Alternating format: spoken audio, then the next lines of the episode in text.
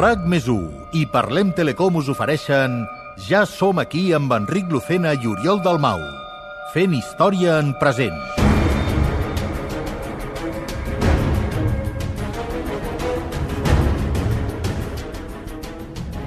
L'any 2009, el Laboratori de Física de CERN a Suïssa va crear la primera màquina del temps totalment funcional.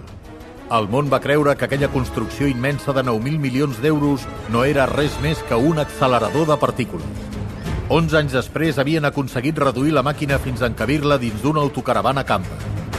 El 2020, per culpa del confinament mundial, tots els científics del CERN van tornar als seus països d'origen. Un d'ells, Oriol Dalmau, becari i català, davant la impossibilitat de pagar-se el bitllet de tornada a casa va agafar sense permís un vehicle de l'empresa. Una autocaravana camper amb les claus posades.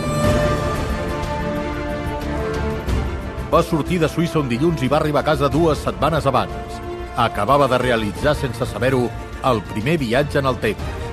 L'Enric Lucena, periodista i llicenciat en Història de l'Art, va ser l'únic que el va creure.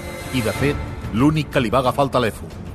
Junts van prendre la decisió de viatjar pel temps per viure en primera persona esdeveniments històrics del passat. Els primers viatgers temporals de la història i per la història. Benvinguts a Ja som aquí.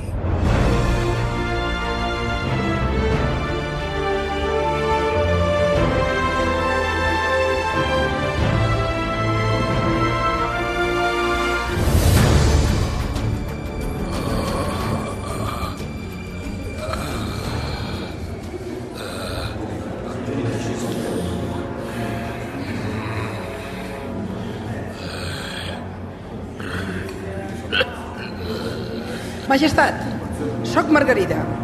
A la cort tot són rumors, evidentment. Així que vinc avui per posar fi a tot el que es diu. Senyora de Montferrat, li prego que esperi uns instants. El rei està recuperant l'alè. Senyora de Montferrat? Aquesta qui és, Lucena?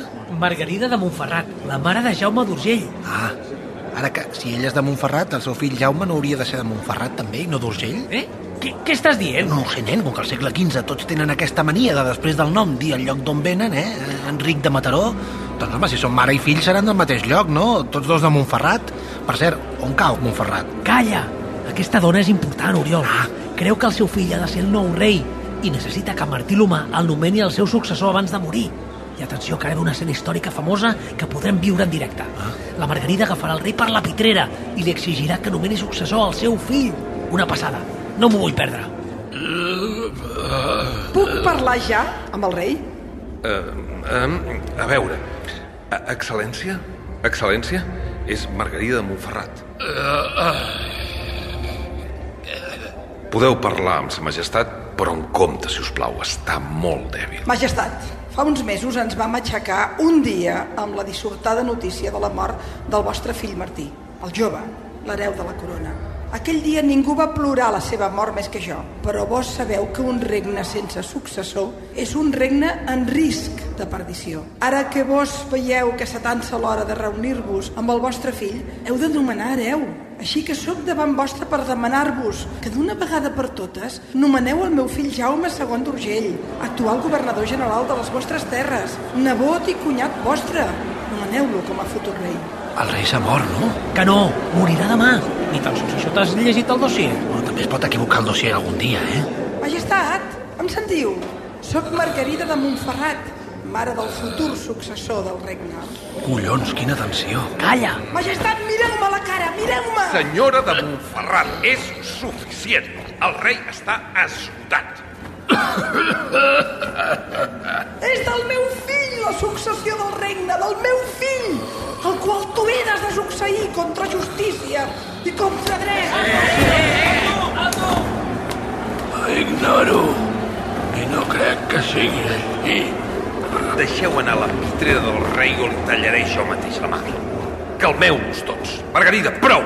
Ja n'hi ha prou, deixeu anar el rei. Deixem anar, Guillem, que et passa a tu també. Què us passa a tots? La corona és de Jaume d'Urgell, tots ho sabeu. Que bé ara no nomenar-lo hereu d'una vegada per totes. Qui t'omple les butxaques, Guillem? Senyora de Montferrat, li prego abandoni la cel·la. Li demano com a senyor de Montcada. Sa majestat necessita repòs. L'assistent del rei és Guillem de Montcada, Lucena? O no vam conèixer un Guillem de Montcada el 1229? Allò quan Jaume I sortia a conquerir Mallorca. O ja és que se m'estan solapant els personatges? Sí, és un descendent. Ah. Si fos el mateix Guillem de Montcada tindria l'home 200 anys. Sí, no, sí, clar, hauria de ser Jordi Hurtado de, de Montcada. Ja me'n vaig, ja. Però no us penseu que faran rei aquell bastard de Sicília. Jaume d'Urgell és el legítim successor. He vingut aquí per evitar desordres i violències. No m'obligueu a ser jo mateixa qui les comenci.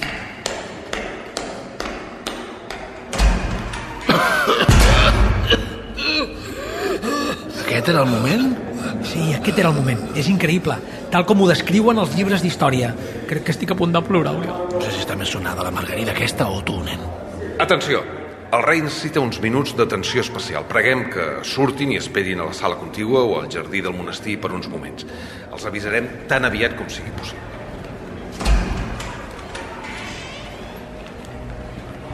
Ara ens fan fora? Atenció especial? Què, què coi és això? No, si vols que et sigui sincer, crec que el rei simplement ha d'anar de ventre.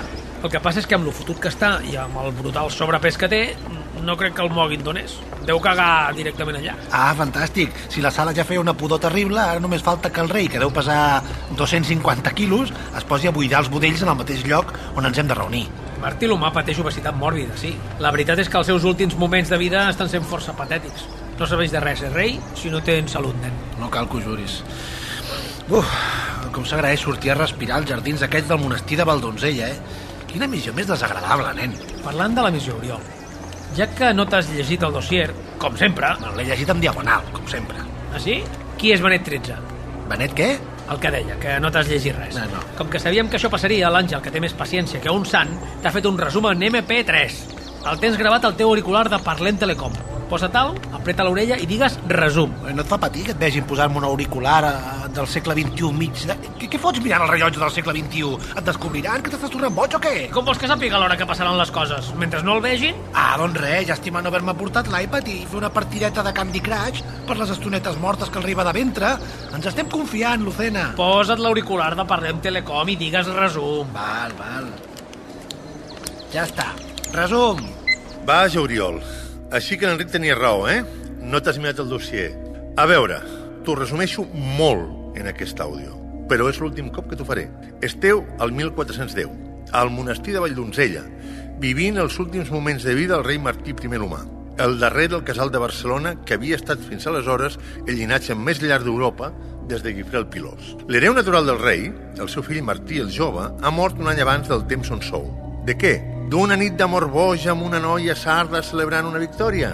Sé que voldries més detalls d'aquesta part, haver-te llegit el dossier. Així sabries que va morir de malària i que això només és una llegenda. El rei està a punt de morir ara sense successor i, per tant, viureu una escena històrica. La lluita d'un munt de candidats que, com voltors, reclamen el tron al rei en el seu llit de mort.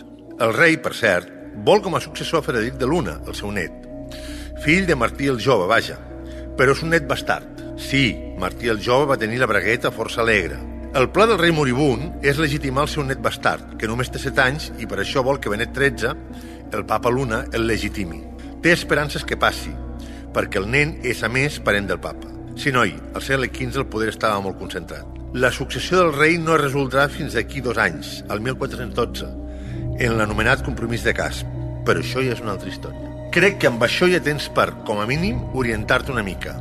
La propera vegada llegeix el dossier maco, que per alguna cosa els faig. Sort! Fi del resum! Ja sé qui és Benet XIII. És el papa Luna. Bravo! És aquell home que veus allà al racó, envoltat de gent. El papa, vaja. I per què li diuen Papa Luna, que sembla el nom d'un cantant de reggaeton? Es diu Pedro de Luna, que no sigui per això.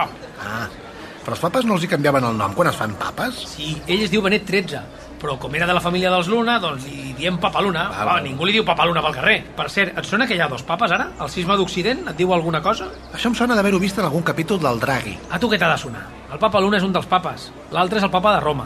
I com comprendràs, el Papa Luna ve aquí a intentar afiançar la seva posició com a papa legítim.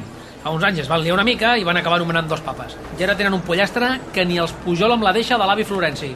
Quin merder, jo necessito resums de l'Àngel més llargs, eh? Ui, em sembla que el papa Luna aquest s'ha donat que l'assenyalaves i està mirant cap aquí, eh?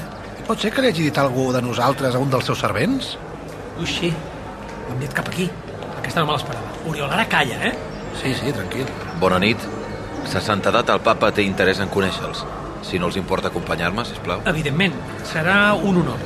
Com els he de presentar? Som Enrico de Luna i el seu assistent, el senyor Pere de Dalmau, venim de Sicília. Vinguin amb mi, sisplau. Per què collons m'has dit Pere? No sé, Oriol m'ha semblat estrany. Doncs és un nom ben antic, Aureolus, que vol dir fet d'or. A l'edat mitjana a Catalunya aquí en va haver-hi un fotimer. Vaig buscar a la Wikipedia un dia que m'avorria. Estem a punt de ser presentats al Papa Luna i em surts amb la. Oriol. No, no, Pere, eh, no et liis tu ara. Calla!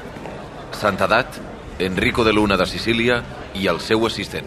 Ah, molt bé, ja no tinc ni nom. Agenolla't i fes un petó a l'anell. Ah, Venim per donar suport al rei i a la corona en aquests moments tristos. Li ha hagut de demanar al seu assistent que s'agenolés. No serà partidari del romà. de qui? En absolut, som davant de l'autèntic successor de Pere. Però Pere no sóc jo. Pere l'apòstol. Ah, val. És igual, calla, Oriol. Sí, sí. Eh, Pere, Estan una mica nerviosos, trobo. bé, no tenim l'ocasió de conèixer el papa en persona cada dia. Igualment, el meu assistent i jo ens trobem trasbalsats per veure el nostre estimat rei en tan lamentable estat de salut, santedat. Entenc. Enrico de Luna. De quina part de Sicília veniu? Sou parent meu, potser? No us conec de res. No, no, santedat, suposo que en tindria coneixement. Venim de Palermo, en nom de la cort siciliana. El malograt Martí, el jove rei de Sicília i hereu de la corona d'Aragó fins al dia de la seva mort, ens va demanar que fossin fidels al seu pare si mai li passava res. Martí el jove. Qui li va posar aquest nom? Aquell pecador caigut en la luxúria al llit d'una sarda ens ha complicat la vida a tots amb la seva mort. Com a mínim va morir content, oi? Què li passa al seu assistent? Eh, res, res. Ha estat un honor conèixer en persona l'autèntic papa. No heu vingut pas per sol·licitar cap successor al rei, oi? No, en absolut, santedat. Som mers observadors. Bé, que el senyor us beneeixi. Amén. Amén. Poden retirar-se. Sí, sí, sí. Pot ser que el senyor Luna ens acabi d'amenaçar una miqueta, Lucena? Uf, i tant. Déu-n'hi-do com ens ha marcat el Papa Luna, nen. Ens ha estudiat amb la mirada a sac. No ens tenia controlats i no deu voler que se li escapi res, suposo. Jo només et dic una cosa. No li caiem bé. Aquí ningú li cau bé ningú, nen. El rei torna a estar visible. Poden tornar a la cel·la de l'abadessa. Es presenta davant de sa majestat el rei Martí Ferrer de Gualbes, comissionat de les Corts de Catalunya. Necessitem parlar amb urgència amb el rei. Senyor de Gualbes, és massa tard. El rei ha tingut una jornada molt llarga. No atendrà ningú Qui sou vos per dir quan el rei ha d'escoltar-me o no, Guillem? He arribat tan ràpid com he pogut. Eh, D'acord. Incorporarem el rei. Eh, guardes, ajudeu-nos. Sí que té pinta de ser tard, sí. Aquí quedem quatre gats. Són les 11 de la nit. Però no miris el rellotge ara. No cal, és l'hora que diu el dossier de l'Àngel que va arribar Ferrer de Gualbes. Per què et penses que no volia que marxéssim? No m'ho diguis. Aquest vol que el seu fill sigui rei, també. Aquest el que vol és que el rei accepti que el successor sigui el més legítim, així en general. Com vol? Ferrer de Gualbes el que vol és que la cosa quedi oberta, que el rei no doni cap nom. Així podran ells decidir el successor que més els hi convingui a les Corts de Catalunya un cop el rei mori. I vaja, així de pas s'assegura que el successor no sigui Jaume d'Urgell, que no els hi convé. No sé, jo amb tants noms o em faig un full d'Excel o em perdo. Ferrer de Gualbes és importantíssim per la història de Catalunya, nen. No t'ho perdis. Eh, vosaltres dos, deixeu de xerrar i ajudeu-nos a incorporar el rei. Anem a donar un cop de mà, Oriol. Vull dir, Pere. Eh, jo aquest home no el toco, eh? Vinga, va.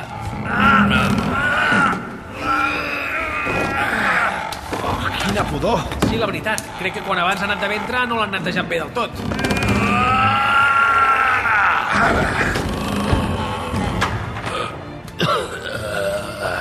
Pot parlar ja, sa majestat? No ho sé. S'ofega, està molt cansat. Eh, Segur que aquesta visita no pot esperar demà.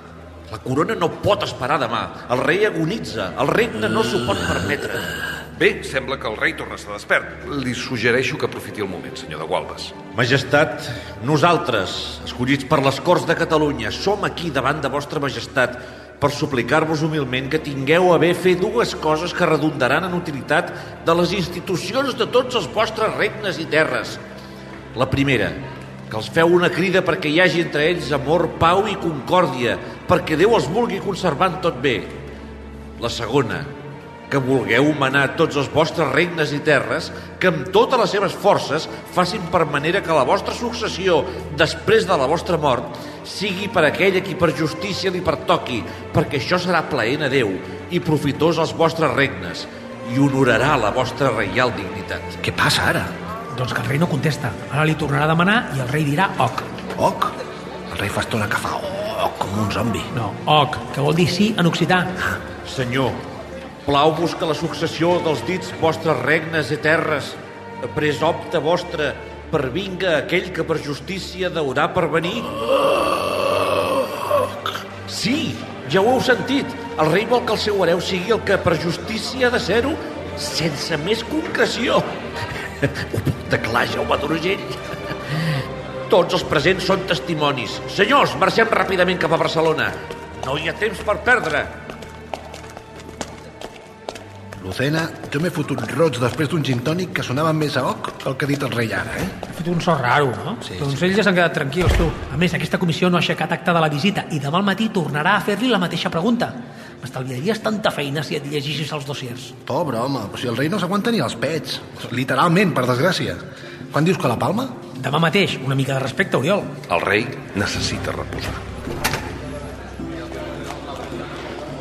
Per fi, tornem al segle XXI. Ho tens tot gravat, no? Què dius? Demà ha mort el rei, torna Ferrer de Gualbes, demà hem de tornar. Què?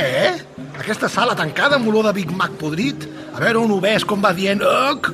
Ni parlant-ne, tio. Però quina pressa tens? Si tens una màquina del temps, nen. No, que tindrem els sons, coi, Lucena. Demà vens tu sol i si vols t'hi passes el dia movent la balena del rei cadira amunt, cadira avall. Jo aniré a donar una volta per la Barcelona del segle XV, que tinc curiositat. A més, potser li compro un souvenir a la meva dona. No sé si me'n refio de deixar-te sol voltant pel 1410. Tranquil. No et fiquis en embolics ni res, eh? No, tranquil. Res de concubines ni històries d'aquestes que poden tenir malalties medievals. No siguis Martí el jove, tu ara. Però, tio, però per em prens? Mira, quedarem a una hora a la màquina del temps i seràs puntual, sí o sí. No pateixis, que a més tenim els auriculars de Parlem Telecom per comunicar-nos. Si ens passa qualsevol imprevist, ens avisem. A veure si encara t'acabaràs fotent en un embolic, tu. Jo? Sí, home. Sí? Eh, Hola! No, no em sent. Aquí, senyor! Venedor! Em sent? Eh, qui sou? Què voleu? Heu encarregat res? Ah, no, no, no. Laura, atén aquest digníssim cavaller, que jo estic enfeinat. Què voleu? Eh, hola, vull un souvenir per la meva dona. Un què? Ah, perdó, un, un record. Ah, la vostra dona és morta. Mm, no. Llavors, per què la voleu recordar? A veure, jo, jo vinc de Sicília i li vull portar alguna antiguitat del segle XV. Parleu bon català, però no entenc res del que dieu. A veure, vull un regal per ella. Ah, esteu en allò que dient. Menys mal. El meu marit té unes mans d'or per treballar el corall. Per altres coses també, eh? ja.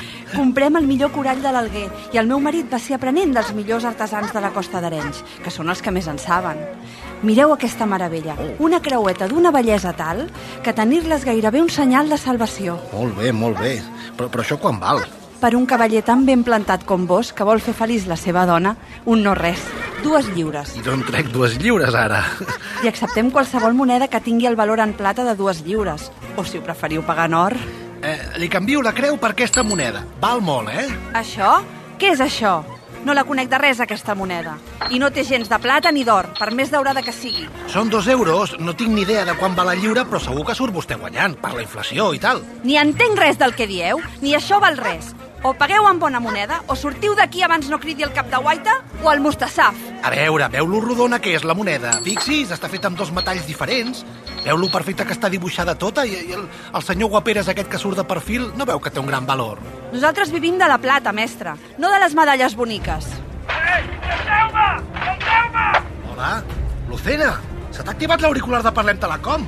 Lucena, estàs bé? Desgraciat! Pagaràs per què has fet! Lucena, què passa? No fes res! Oriol! Oriol! Què tens aquí a l'orella?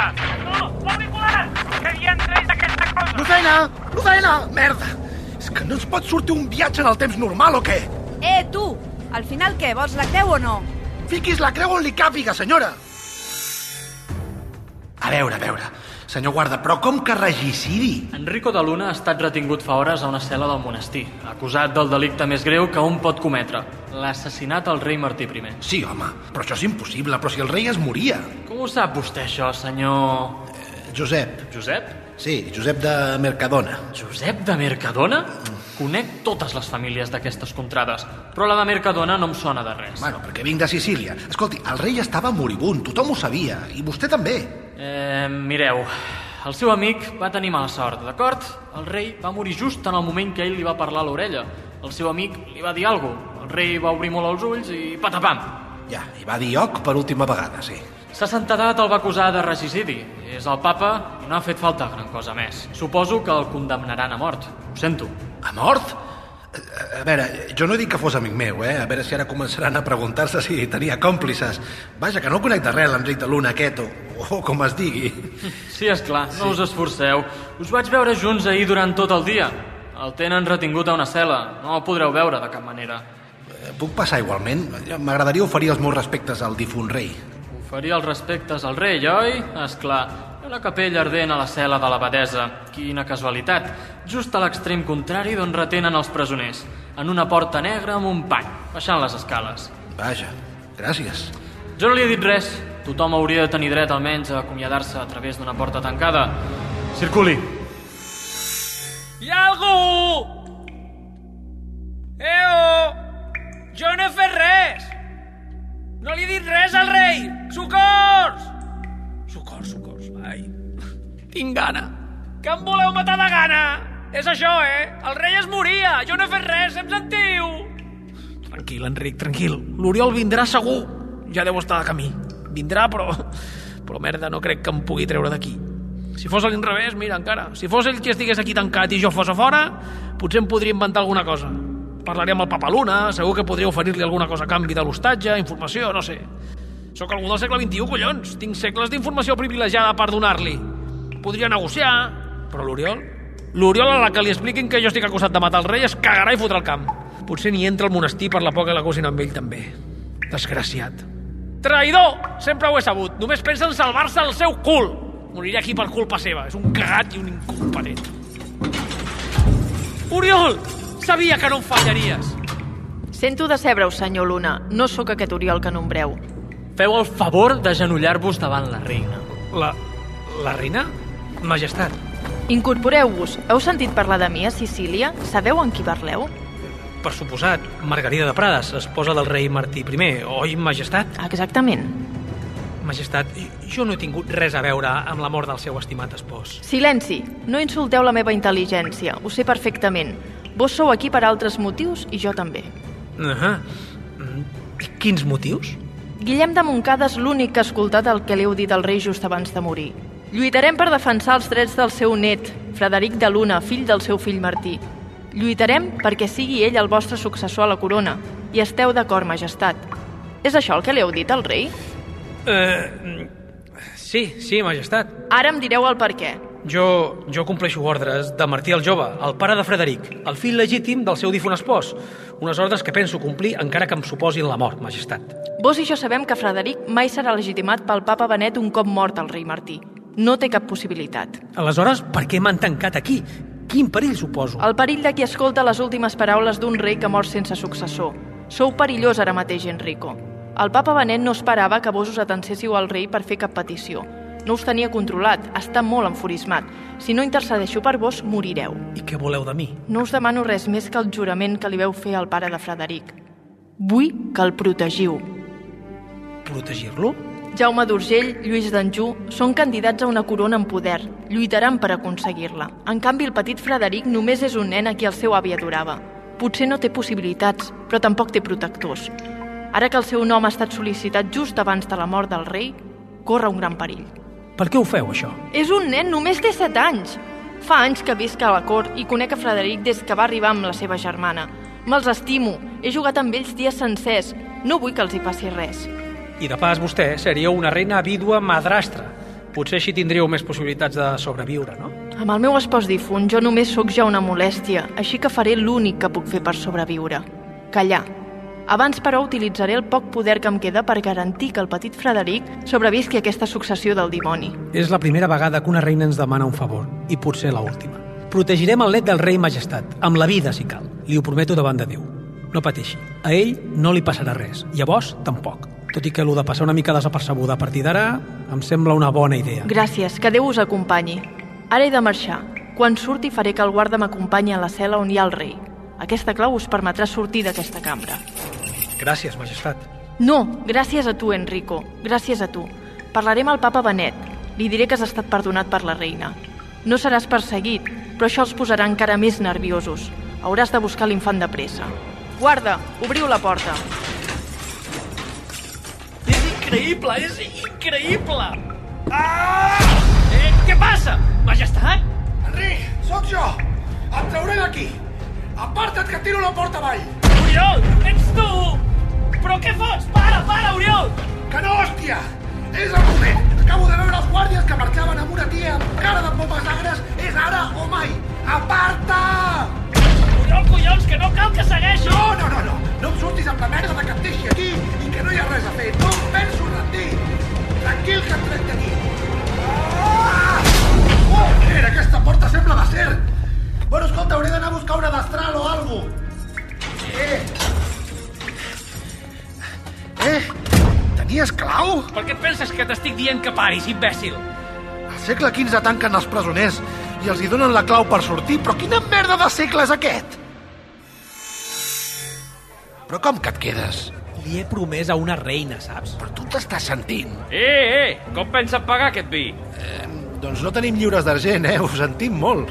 Com que no? Sí, clar, jo en porto. Quants són? Un menú la gerra. Tingui, dos minuts. Porti una segona ronda. Molt bé, una altra gerra de vi. Ah, tu entens com coi funciona la moneda d'aquí? I, I d'on l'has tret? Està al dossier. Sempre porto diners de l'època, per si de cas, nen. És que no t'enteres de res o què? Potser sí que m'hauria de llegir el dossier. He donat una moneda de dos euros a una dona de Barcelona i ara em sento fatal. Què has fet, què? És igual, Lucena. Ja he flipat quan m'has dit d'anar a prendre alguna en ple 1410. He pensat, "Aqu- aquest em porta alguna de cap perquè tu sempre dius que hem de tornar lo abans possible per no canviar res. Si m'ho diu el que va repartir monedes de la Unió Europea al segle XV. Quant temps et vols quedar? Bé, preferiria que et bebessis la segona ronda abans de dir-t'ho. Quan? Dos anyets? Què? Ja va, ja va. Hòstia, que impacients. No, no li dic a vostè. Vols quedar dos anys aquí, sol? A veure, nen, quina part de li he promès a la reina no has entès? Però que no és la teva reina. Se t'ha pujat la història al cap. Això és una missió d'infiltració. No ho entens, Oriol. Frederic de Luna és un nen que ara té 7 anys. Només té 7 anys. Un nen al que ningú li prestava cap atenció perquè era un net bastard. No podia ser el successor si el papa Luna no volia.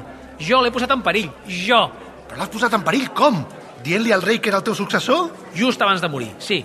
I què? Frederic no tenia cap suport. Ara té el de Sicília. I si pensen que el volem legitimar via papa de Roma... Frederic està en perill. I per culpa meva. Ho heu escoltat? Ara té el suport de Sicília. Però tu t'escoltes, t'estàs tornant boig. Ja ho sé que jo no sóc ningú, però ells això no ho saben. Però per què ho vas fer? El què? Per què li vas dir res al rei? Per què vas dir que li donaries suport a Frederic? Això no ho havíem parlat. Va ser una improvisació. Per aconseguir què? Una plaça per estar al compromís de Casp, val? Hòstia. Ah, resulta que de forma unilateral, sense avisar ni a l'Àngel, mous fils en el passat per preparar la propera missió que tu solet decideixes fer. Si hem vingut fins aquí, té sentit que documentem també el final, no? La successió del rei es decidirà en el compromís de Casp d'aquí dos anys.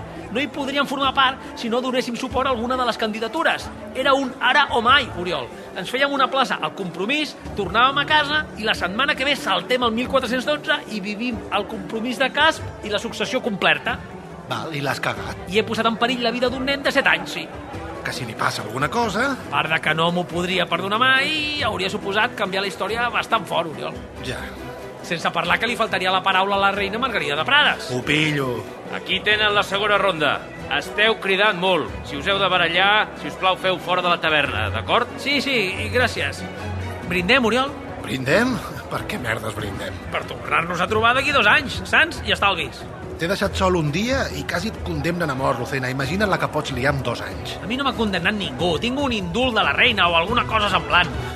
Ens veurem a Casp, al compromís de Casp, el dia 28 de juny de 1412, a les 10 del matí. Allà estaré. La successió del rei serà finalitzada i la vida de Frederic deixarà de córrer perill. La meva missió haurà acabat. T'adones, no?, que quan vam començar amb això de viatjar en el temps només volies entrevistar Jaume I i que et firmés el llibre dels fets, oi? Sí, i ara passo anys protegint candidats al tron, tu. Cada vegada la liem més. Aviat haurem de parar. Brindem, doncs. I què faig ara? Marxo i et deixo aquí? Exacte. Lucena, cuida't, val? Que raro que es fa això. Si no et veig al compromís de cas, saps que tindré un atac de cor, oi? No te la jugaré. Sisplau. Clar que si m'equivoco i apareixo l'any del primer tren Barcelona-Mataró... Si us plau. Tranquil, tornaré. I amb un preciós dossier del compromís de Casp. I un gran resum en MP3 al teu auricular de Parlem Telecom, que és l'únic que tu t'escoltaràs. Bingo. Adeu, Enrico de Luna. Adeu, Oriol. Marxa abans que no m'empenedeixi, va. Ja som aquí, nen. Sí, ja som aquí. Cambrer, què costa passar la nit aquí? No m'agrada, no m'agrada gens. És massa rebuscat. Tu creus? Podrien tenir contactes amb Roma. Sicília està molt lluny de Roma, santedat. Mm, són italians. Jo no els vaig escoltar ni una sola paraula en italià, santedat.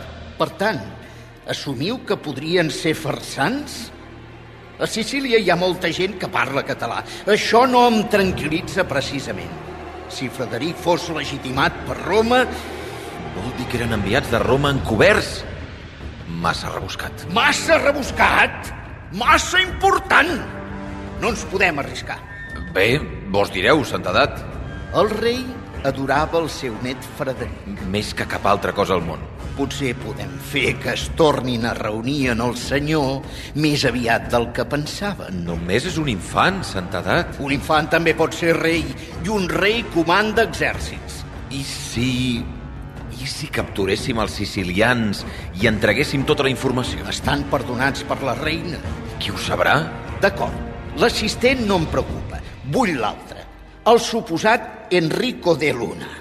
El vull encadenat a les nostres masmorres abans que caigui el sol de demà. Consideri-ho fet, santedat. Amén. Amén.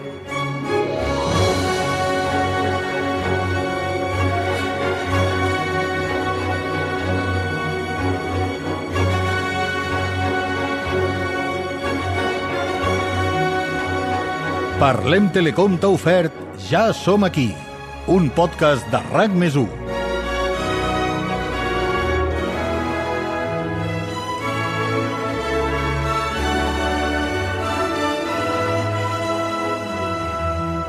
En el capítol d'avui heu sentit les veus de Josep Maria de Ramon, Marc Morera, Laura López, Ricard Inglés, Salva Coromina i les col·laboracions especials de Xavi Bundó, Mònica Usart, Enric Calpena, Toni Soler i Pilar Rahola.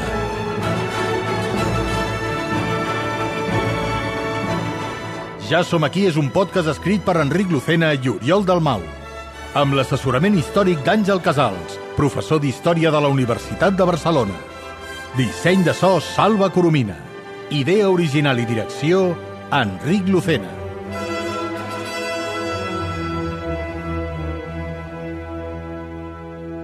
A Parlem fem el que fem perquè tenim un per què.